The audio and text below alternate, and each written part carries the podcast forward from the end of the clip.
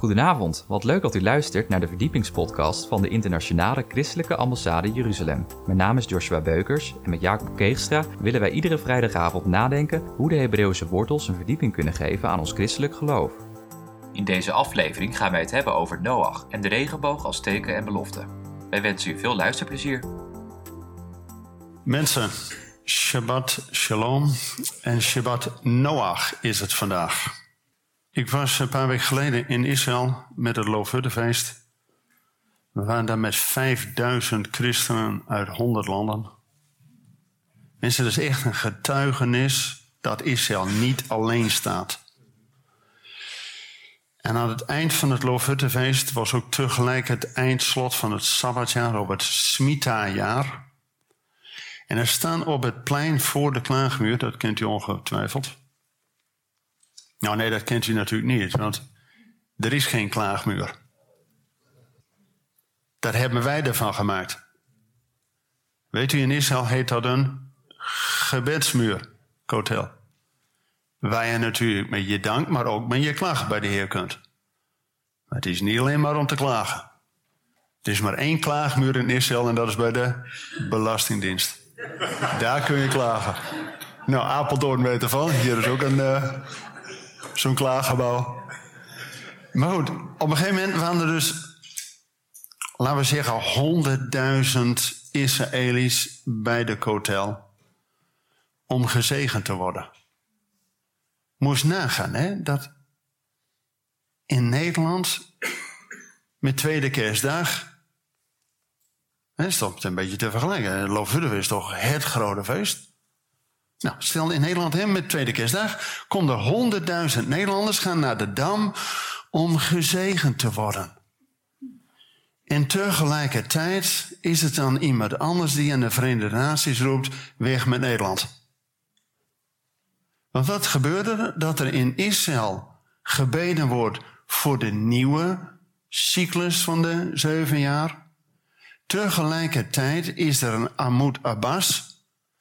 U weet ongetwijfeld dat hij gepromoveerd is op de ontkenning van de Holocaust in Rusland. Dat hij in de Verenigde Naties, nou daar heeft hij helemaal geen, uh, hij is nog helemaal geen land. In de Verenigde Naties is dus bedoeld om vrede tussen de volkeren te krijgen. Zegt die man notabene onder een hoop uh, applaus. Alles wat we met Israël hebben afgesproken, Oslo-akkoorden, het is gewoon van nul en geen waarde. En de derde intifada kan wat hem betreft gewoon beginnen. Nou, en helemaal op uh, applaus. Jongens, in welke tijden leven wij? Ik vond heel goed dat Bert ook zegt, de Torah-lezingen zijn natuurlijk niet voor niks. Dat is ons op te werken om te weten in welke tijd we leven. Nou, even het positieve. Ik wil graag over de principes van God spreken. Want hier zijn een aantal principes komen uit naar voren. U weet wat de naam Noach betekent? Help me even, dan weet ik het ook. Ik krijg tegenstrijdige berichten. Ja, troost en genade. En met hoeveel was hij nou uiteindelijk in die ark en dat hij een jaar later uit die ark kwam? Acht. En acht is een messiaans getal. Noach en zeven anderen. Het is altijd Noach, de begenadigde, en zeven anderen. Zijn vrouw en zijn drie kinderen en drie vrouwelijke kinderen. Net als Elia met die 7000 anderen, weet je wel? Hetzelfde principe van God. En door het water heen gered worden. U kent ongetwijfeld Titus 3, vers 6. Wij zijn door het badwater van de wedergeboorte en de vernieuwing met de Heilige Geest gered. En de doop, hè, dat, gelukkig hebben we dat gelezen. 1 Petrus. De doop is niet een aflegging van uh, lichamelijke onreinheid. Dat gaat gewoon onder de douche. De doop is een gebed. Van een gereinigd geweten tot God. Dus je kunt ook pas dopen als je een kind van de Heer bent. Gelukkig ook in deze gemeente is wel eens een doopdienst. Zeker als gemeente die start, is goed om mensen die bij de gemeente te komen te dopen. En dat het gewoon wordt onderwezen. Nou even de vraag. Wanneer strandde Noach met dat arkje en, uh, trouwens, ik kwam hier binnen. Ik denk, nou, de Braga gemeente, dat gaat goed, hè? Kijk, kijk, als je hier binnenkomt, dan heb je al helemaal de B van Braga en de, de bed van het huis. En het is bijna uh, een arkje. Ik denk, nou, nou, dat gaat helemaal goed komen hier. Maar goed, het is van, de, van deze kerkelijke gemeente. Nou ja, oké, daar moet het licht ook op gaan. Uh, de ark. Waar heeft Israël tegenwoordig de ark? Om het woord. Iedere keer in een synagoge, de ark is de plek waar het woord wordt bewaard. En met de ark strandde Noach op die Ararat. Weet u op welke dag dat dat was? 27 En wat zegt de schrift?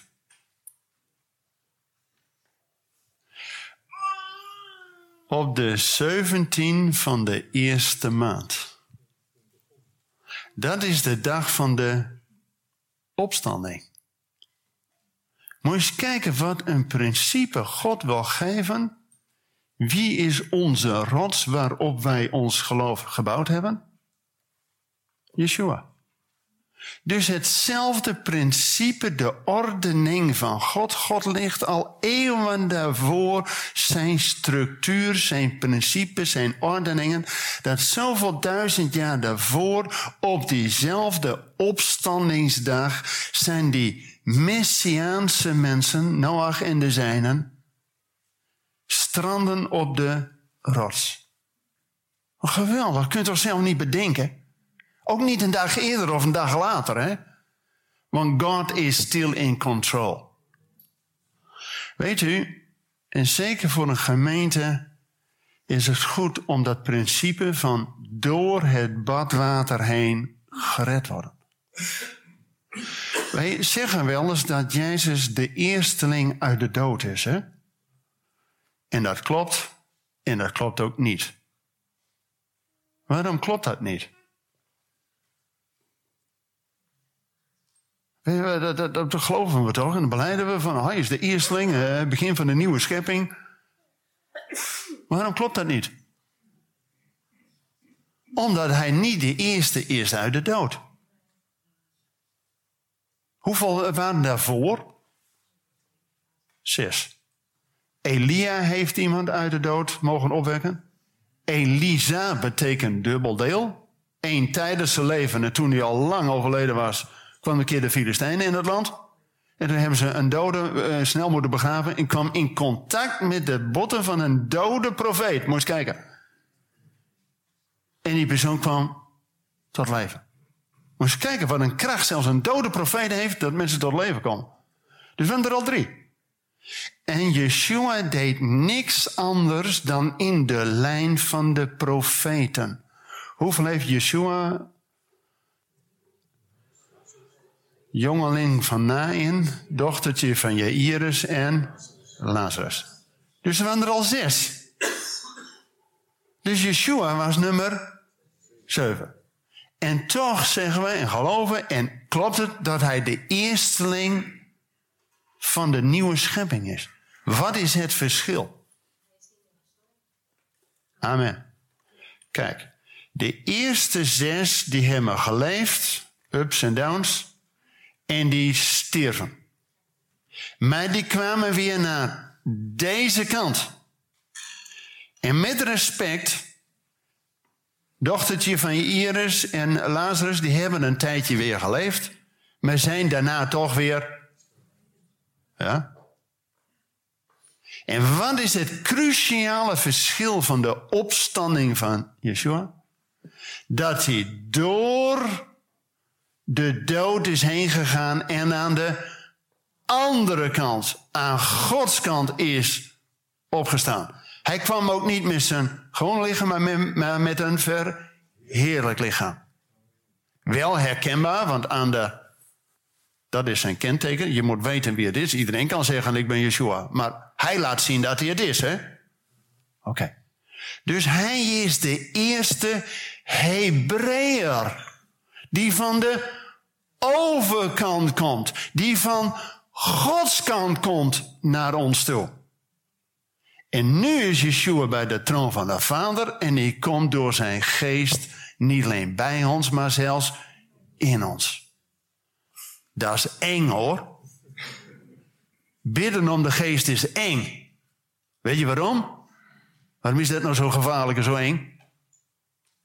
Dat je vernieuwd moet worden door de vernieuwing van je denken. En dan pas weet je wat de wil van God is. Het goede, het welgevallige en de volkomene. Amen. Kijk, helemaal goed. De kinderen gaan ons voor. In de lofprijzing en in alles. Helemaal goed. Weet u, naast het principe van de doop, door het badwater heen en dan niet weer naar deze kant, dan heb je gewoon onder de douche gestaan. Ben je even nat geweest. Maar de doop wil zeggen het afleggen van het oude. Punt. Daarom is Pesach ook zo'nzelfde moment. Dat het volk door die Schelzee heen moet. Als een beeld van de doop. En wie ging met hem mee? Wie was die wolkolom en die vuurkolom? Met andere woorden, de vuurkolom gaf richting, visie, en die wolkolom van achteren. Die farao zag helemaal niks, joh. En als je dan toch dacht van, nou, ik moet er ook maar even doorheen. Dan kwam hij er niet doorheen. Want je komt er pas doorheen als Yeshua jouw verlosser, jouw rots is. Nou, ik wil vandaag ook nog een ander principe met u behandelen. Kijk, in Gods economie Gods principes, is het altijd voor wat, hoort wat. En zo is dat ook in onze economie. Als wij iets doen, dan geven we iets, maar we willen ook graag wel iets terug. In economie begon dat natuurlijk vroeger vooral over ruilen. Dat je een zak aardappels tegen een kilo vlees of tegen een kilo kaas. Het is handiger om daar, als je nou toch iedere keer dat moet afweten, om daar een, een bepaald betaalmiddel te hebben.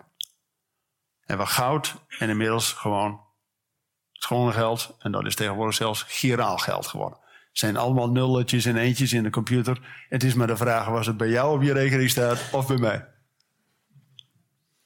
Weet u, God heeft ook een principe om te ruilen. Gods grote ruil heeft te maken met het andere teken voor de gemeente van belang. Naast de doop om toegevoegd te worden, heeft God een ander principe om de gemeente te onderhouden. En dat is met name het principe van zijn goddelijke ruil in het avondmaal. Juist als wij zonden hebben, wil God die van ons afnemen en wij worden als Noach begenadigd. We krijgen de genade van God. Het is een ongelofelijke ruil. Het is de cruciale hè, van ons geloof. Dat genade van God wordt ons deel. En onze troep, ons pakje aan, move. En daar is een betaalmiddel. Is het bloed van het lam. Eerst in het Tenach, de tijdperk van de offers, maar die wijzen heen naar het grote offer. Bloed van Yeshua. Juist om een gemeente te onderhouden, zegt hij, wanneer gij samenkomt, wanneer gij het viert, avondmaal, gedenkt gij de dood des Heren totdat hij komt. Dus Yeshua wil ook de gemeente versterken door aanschouwelijk onderwijs. Avondmaal is gewoon een aanschouwelijk onderwijs. Net als de doop is een aanschouwelijk onderwijs. Krachtig getuigenis. Zo is ook avondmaal een krachtig getuigenis. Een aanschouwelijk onderwijs. Het is een versterking van ons geloof. En dat principe willen we nog even wat verder bekijken. Want daar heeft God een structuur in. Van voor wat, hoort wat. Kijk, weet u, God, dan denken we vaak alleen aan die verticale relatie. Maar we hebben het Shema uh, geproclameerd. En dat is, we hebben God wel lekker lief, maar die naaste, ach, die redt zich wel. hè? Of niet? Weet je, u, u kent ongetwijfeld Romeinen 1 vers 16. Ik schaam me het evangelie niet, want het is een kracht Gods tot behoud voor ieder die gelooft. Eerst voor de Jood, maar ook voor de Griek. Oké, dat is het principe van God, hè? Eerst Jood, maar ook de Griek. Dus geen tweede rangs, die Griek mag er helemaal bij. Oké. Maar wel een principe van God, eerst de Jood, maar ook de Griek. Alleen hoe is dat in de loop van de 2000 jaar kerkgeschiedenis verworden? Eerst de Griek en dan drie keer niks. En dan misschien één keer de Jood, maar direct daarna weer de Griek. Maar dat betekent, mensen, dat als God een principe zegt, eerst de Jood, maar ook de Griek, dat ook het hele Joodse, Hebreeuwse denken eerst is. En dan pas het Griekse denken. Alleen, wat hebben wij ervan gemaakt? Ook in eh, bijna alle kerken. Het Griekse denken staat voorop. En wat is dat dan? Vanaf Plato naar Aristoteles, de grote eh, filosofen uit de Griekse periode, die hadden een mensvisie dat er een onderscheid is tussen ziel en lichaam. Met je ziel kun je denken en je lichaam kun je iets doen. Dus ze hebben een onderscheid tussen wat we bedenken en wat we doen. Zelfs tot aan de kerken toe, wat we op zondag bedenken, over het, het verticale, dat is echt wat anders van wat wij door de week doen. En die Grieken waren zeer negatief over het lichaam. Ha, daar kun je geen eeuwige ideeën uit afleiden. Dus het lichaam, dat, dat moet je ascese bedrijven. Dat is eigenlijk uh, op gaan blinken en verzinken. Daarom is in de meeste kerken een bijbelboek als hooglied... wordt niet vaak gelezen. Herkent u iets? Weet u, in de Bijbel staat eerst de Jood, dan de Griek.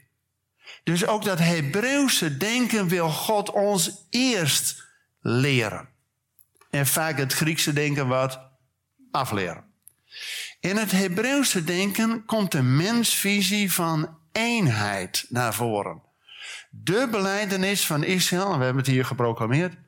Shema Israël Adonai, Aleinu, Adonai. Ja, omdat God één is, wil je ook dat wij één zijn.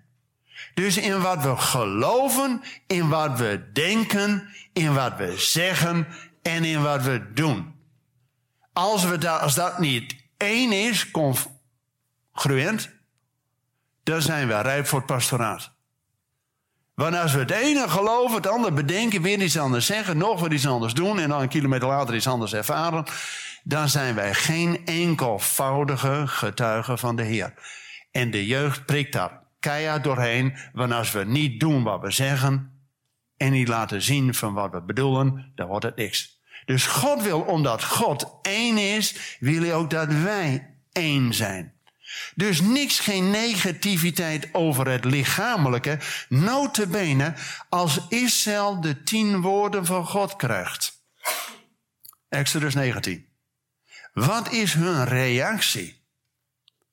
Kijk, in de Griekse uh, methode zou je zeggen, nou, dan gaan we daar eens even over nadenken. We stellen drie werkgroepen in. Met de vraag, heeft God wel gesproken? Aan het eind van het jaar hebben we nog veel dikkere rapporten als dit. Dus, en dan hebben we mooi een alibi, een excuus om niks te doen. Want ja, we bedenken en oh, we hebben vragen. We zijn kritisch natuurlijk. Hè. Heeft God wel gesproken? Herkent u de eerste vraag in de Bijbel? Heeft God wel gesproken? Nou, en dan, nou, hebben we mooi een excuus om vooral niks te doen. Maar ja, hè, dat is toch Grieks denken. Het lichaam is toch, uh, hè, stel niet zoveel voor. Maar in de Bijbel, als Israël het woord van God krijgt, de tien woorden, trouwens een huwelijkscontract, wat zegt Israël? Wat is hun reactie? We zullen dat doen en we zullen daarnaar horen. In het Hebreeuwse denken is het doen van de geboden belangrijker dan er alleen maar over nadenken. Wat zegt de schrift? Barmhartigheid wil ik en geen offer anders. Je kunt je allemaal wel. Dus het doen van die gerechtigheid vindt God veel belangrijker dan er alleen maar een beetje over te filosoferen. Nou, is goed om eerst over dingen na te denken voordat je zomaar wat doet. Maar logisch dat in de meeste kerken een Bijbelboek als Jacobus niet zo populair is. Waarom niet? Want daar staat notabene in, Jacobus 4 vers 17, als gij weet goed te doen en het niet doet, wordt het u tot zonde gerekend. Zo, nou dan kun je beter die tekst niet lezen, want dan uh, wordt er niet mee geconfronteerd. Dus Jacobus, het doen van de geboden is belangrijker dan er alleen maar over nadenken. Ziet u, het Hebreeuwse denken is echt anders dan dat Griekse denken. Nou, nu de ruil van God. Want dit was natuurlijk allemaal inleiding.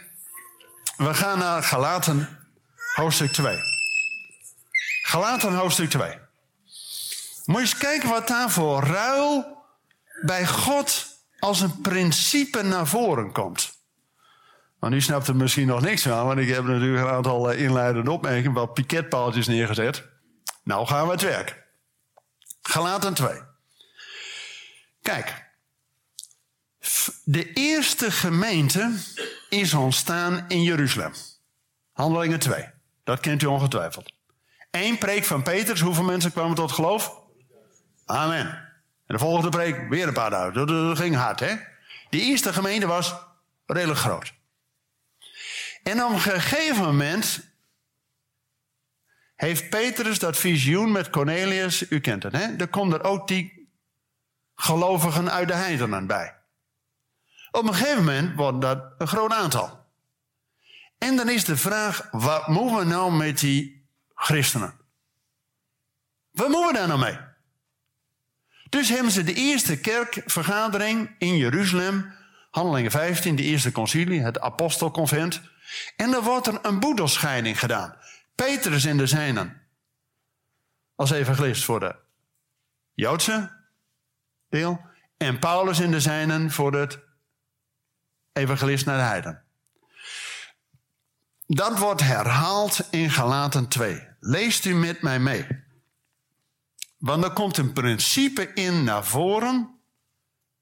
Wat alles met de economie van God te maken heeft. En dat zijn we kwijtgeraakt. Want wat staat er? Galaten 2, vanaf vers 9. En toen Jacobus, Cephas en Johannes. Cephas is een andere naam voor Petrus. Dus Petrus, Johannes en Jacobus die geacht werden steunpilaren te zijn, de mij gegeven genade erkenden, gaven ze mij en Barnabas de rechterhand van gemeenschap, opdat wij naar de heidenen en zij naar de besnedenen zouden gaan. Nou, precies herhaling van Handelingen 15. Petrus en de zijnen voor het Joodse deel en Paulus en Barnabas als evangelist voor de heiden. Maar nou komt hij. Alleen moesten wij, dat zijn Paulus en Barnabas, wel aan de armen denken. En ik heb mij ook beijverd juist dit te doen. En uit de context is heel duidelijk, dit zijn de armen van Jeruzalem. Niet zomaar de, de, de arme kindertjes in Afrika. Hier wordt heel duidelijk, de armen van Jeruzalem. Dus Paulus en Barnabas worden eigenlijk uitgezegend door Petrus, Johannes en Jacobus. De steunpilaren voor de gemeente in eh, Israël.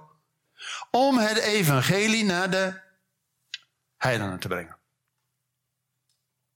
Dus Israël heeft ervoor gezorgd dat het evangelie naar de heidenen ging.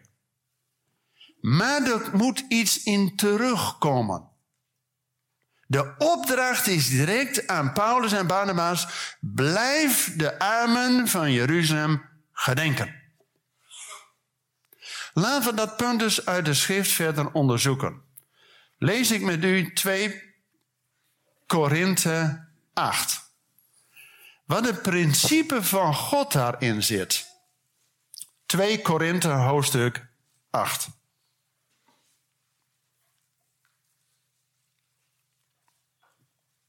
Ik lees toch even een aantal versen om het geheel te snappen. 2 Korinthe hoofdstuk 8 vanaf vers 1. Verder maken wij u bekend, broeders. De genade van God die in de gemeente van Macedonië gegeven is.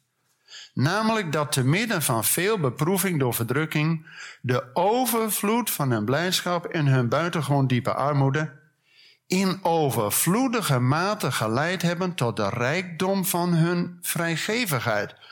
Dus ze waren zelf bijzonder arm, maar ze hadden toch de genade van vrijgevigheid.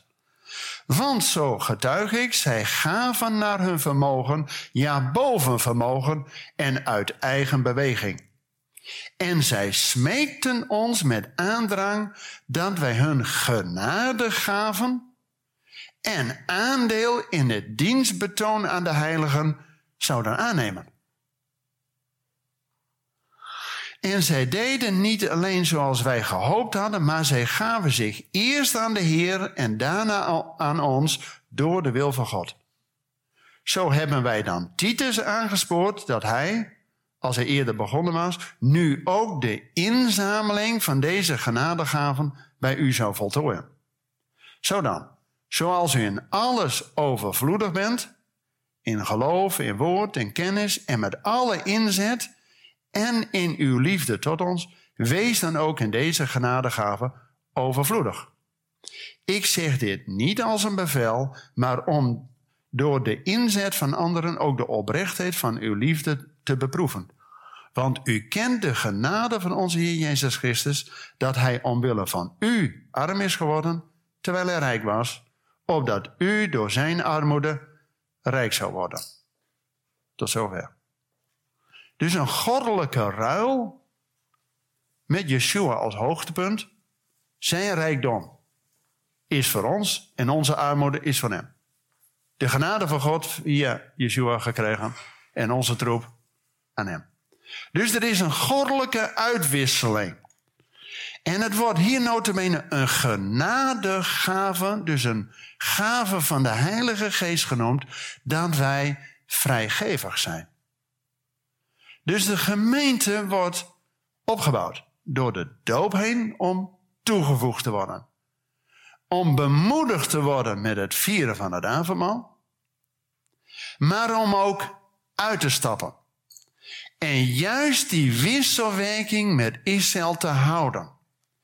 Hier wordt dus iets uitgelegd en het principe van God wordt nog heel um, praktisch uitgewerkt. Leest u met mij in 1 Korinthe hoofdstuk 16. Dus even net daarvoor, 1 Korinthe hoofdstuk 16.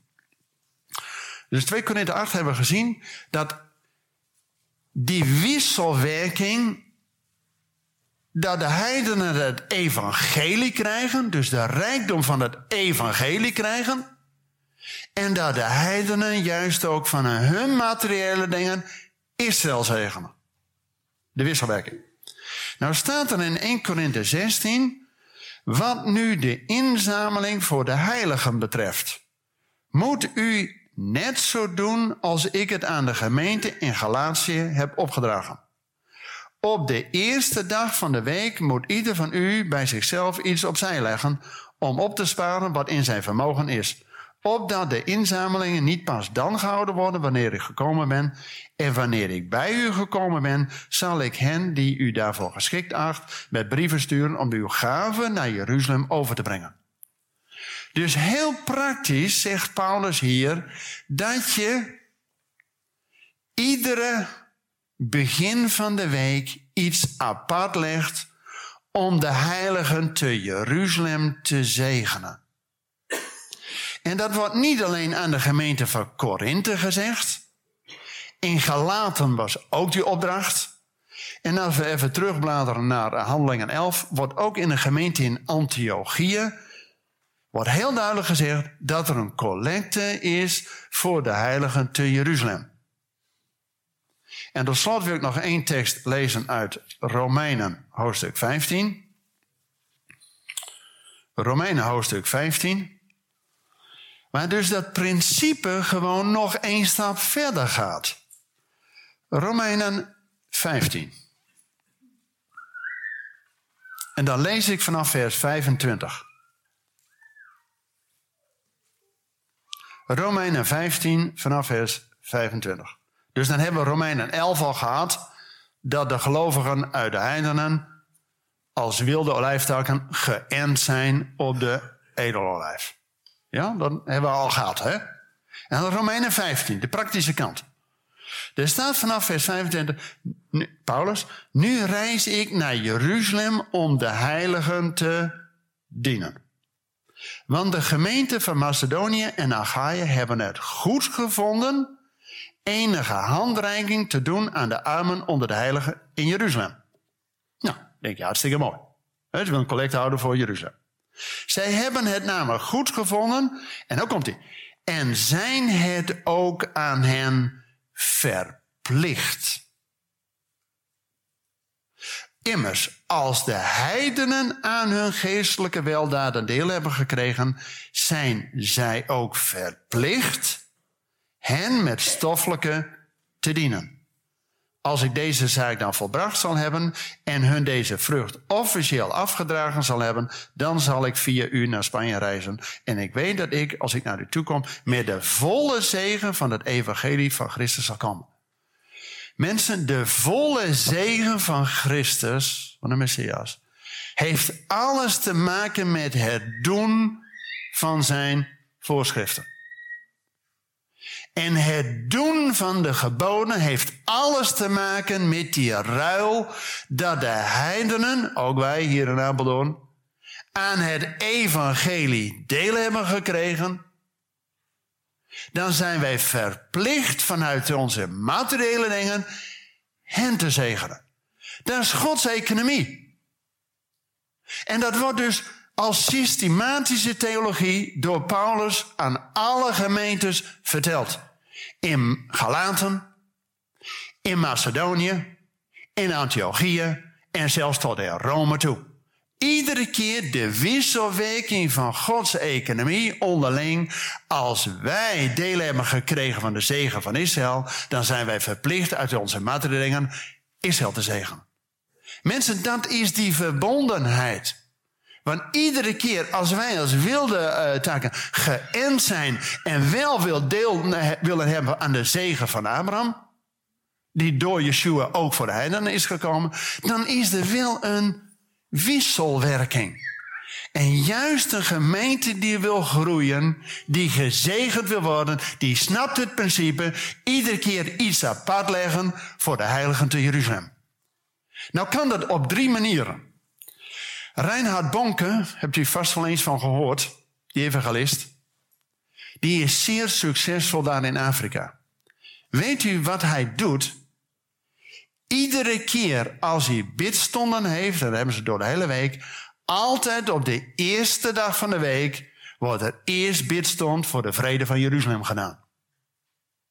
Dat zegent zijn bediening.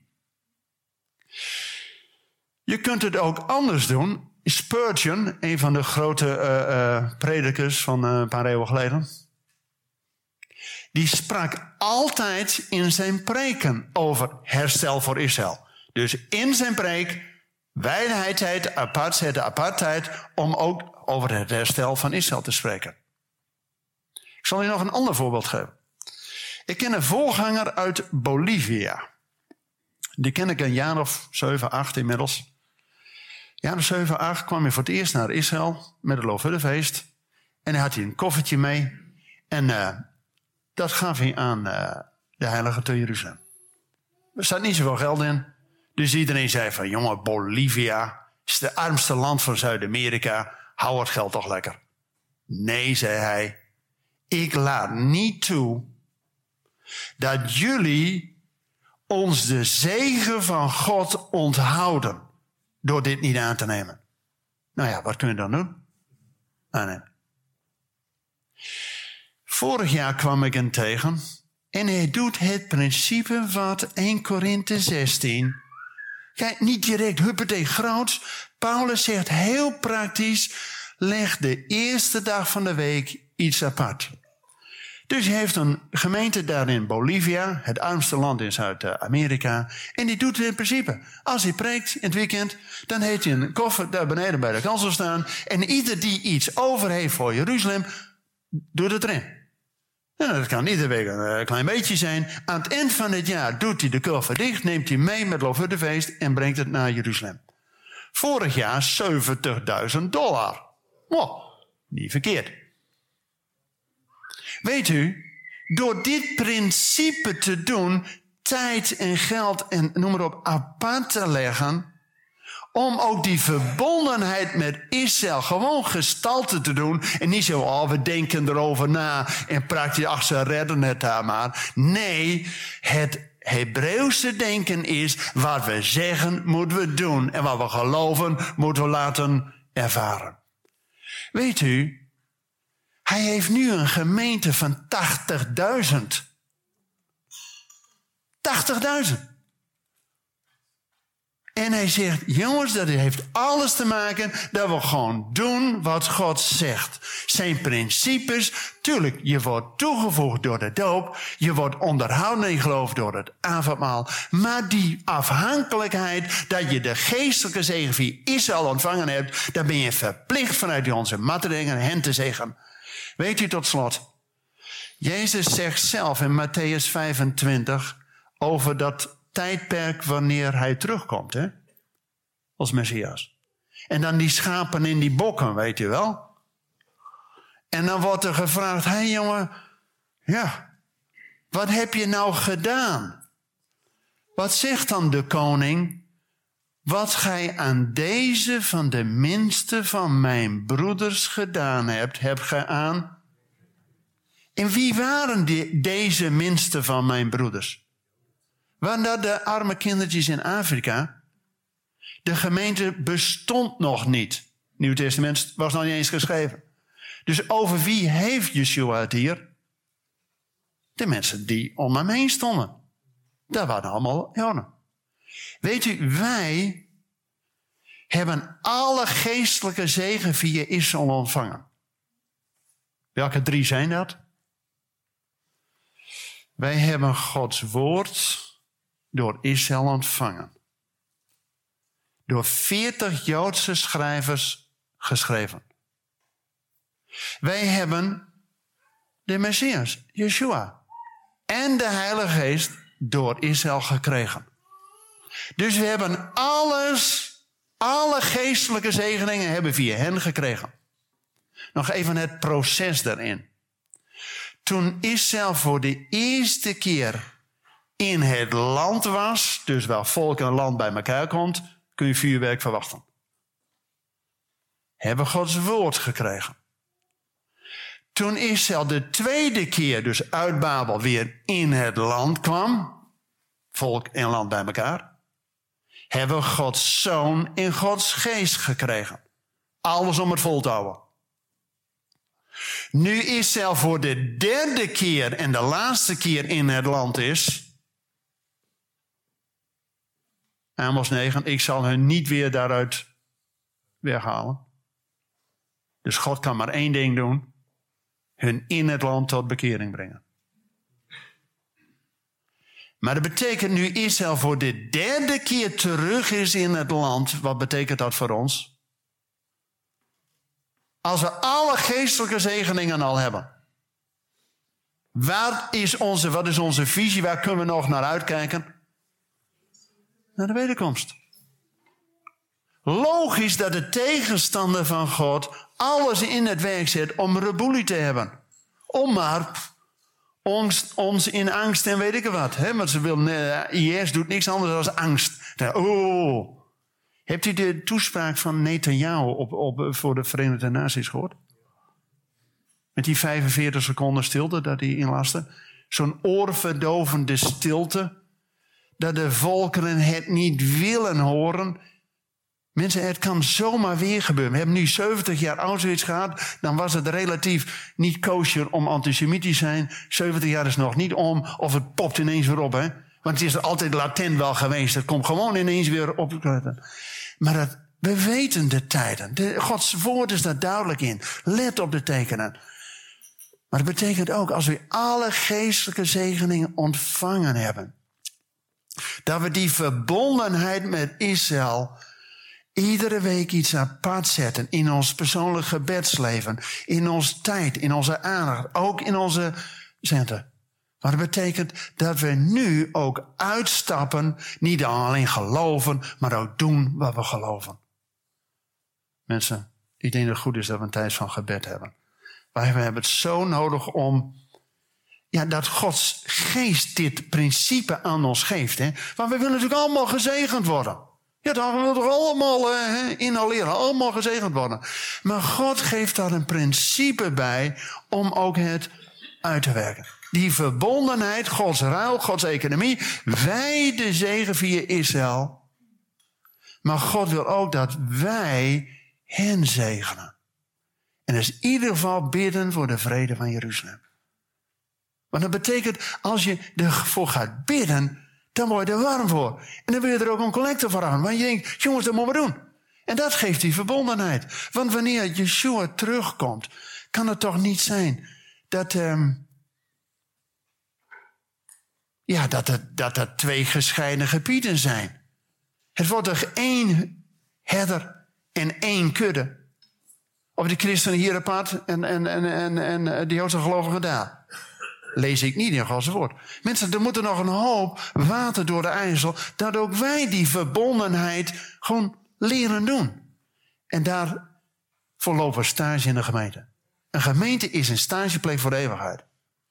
Ja, toch? Ze gaan allemaal stage lopen, wat we nu doen. we gaan uh, liedjes zingen, maar om straks uh, helemaal. Kijk, mensen, als Israël tot geloof komt, en Ezekiel moet een tweede keer bidden dat de geest ook over hen komt. Dan wordt het een machtig leger van godlovers. Dan gaan zij ons voor in de lofprijzing. Want we hebben alles via Israël ontvangen. De eredienst, de verbonden.